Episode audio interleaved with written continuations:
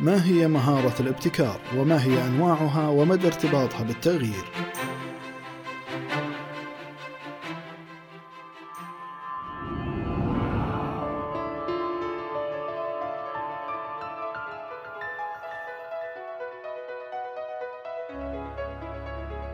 حياكم الله أخوكم إياب المجول وحديثنا اليوم عن مهارة الابتكار وتعريفها وما هي أنواعها الأربعة وما هي أهم المهارات الأساسية لها؟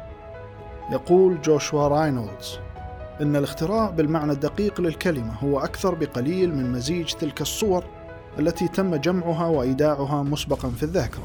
لا شيء يمكن أن يأتي من لا شيء. أعتقد أن موضوعنا لهذا اليوم قد لا تكفيه حلقة واحدة وسنتطرق إليه بتفصيل أكثر بالمستقبل القريب بإذن الله بحلقات خاصة وأكثر تفصيلا. أن تكون مبتكرا هي مهارة مثل أي مهارة أخرى. نتعلمها ونطورها حسب حاجتنا. هناك أشخاص يصنعون أفكار جديدة كل يوم ومهارات وتقنيات التفكير الابتكارية ليست مهمة في العمل فقط بل في حياتنا اليومية حيث تساعدنا على التطوير والنمو والتكيف مع التغيير بشكل أفضل وأسرع.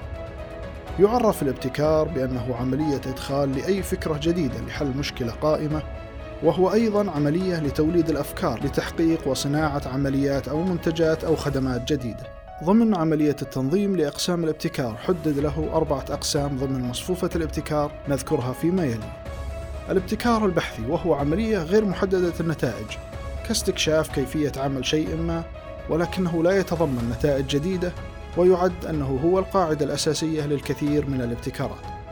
الابتكار المستدام وهو عملية محددة الوضوح والملامح وتحل مشكلة معينة.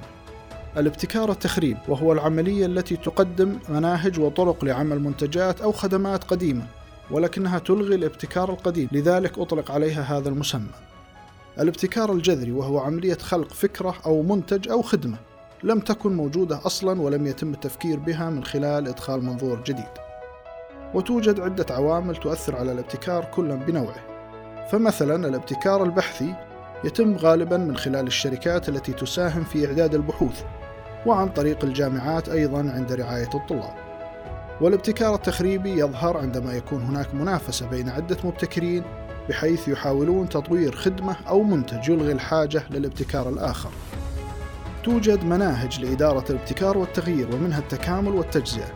الابتكار في المنظمات التكاملية يعتبر فرصة تكون فيه المنظمة أكثر رغبة في التغيير والتطور. أما الابتكار الجزئي يكون في المنظمات التي لا ترغب في التغيير الكامل ويكون من خلال التعامل بشكل منفصل مع كل إدارة. ولا تأخذ النظرة الشاملة أو الحلول المقترحة من الأجزاء الأخرى. توجد ثلاث مهارات أساسية للابتكار. مهارة القوة وهي القدرة على إقناع الآخرين باستثمار الوقت والمال في مبادرات جديدة ومحفوفة بالمخاطر.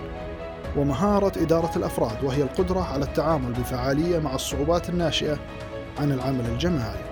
ومهارة إدارة التغيير وهي فهم لكيفية تصميم التغيير بشكل إيجابي وبناؤه داخل المنظمة. وجميع هذه المهارات ستساعدك على التعامل بسهولة أكبر مع التغيير وبالتالي يعود عليك بسلك طريق أكثر ثقة. أرجو أن تشاركوني أفضل ممارساتكم الابتكارية سواء في العمل أو في حياتكم اليومية. وما هي الصعوبات التي واجهتكم خلال تحقيقها. إلى هنا نكون قد أنهينا موضوعنا لهذا اليوم. ألقاكم بخير ودمتم بحفظ الله.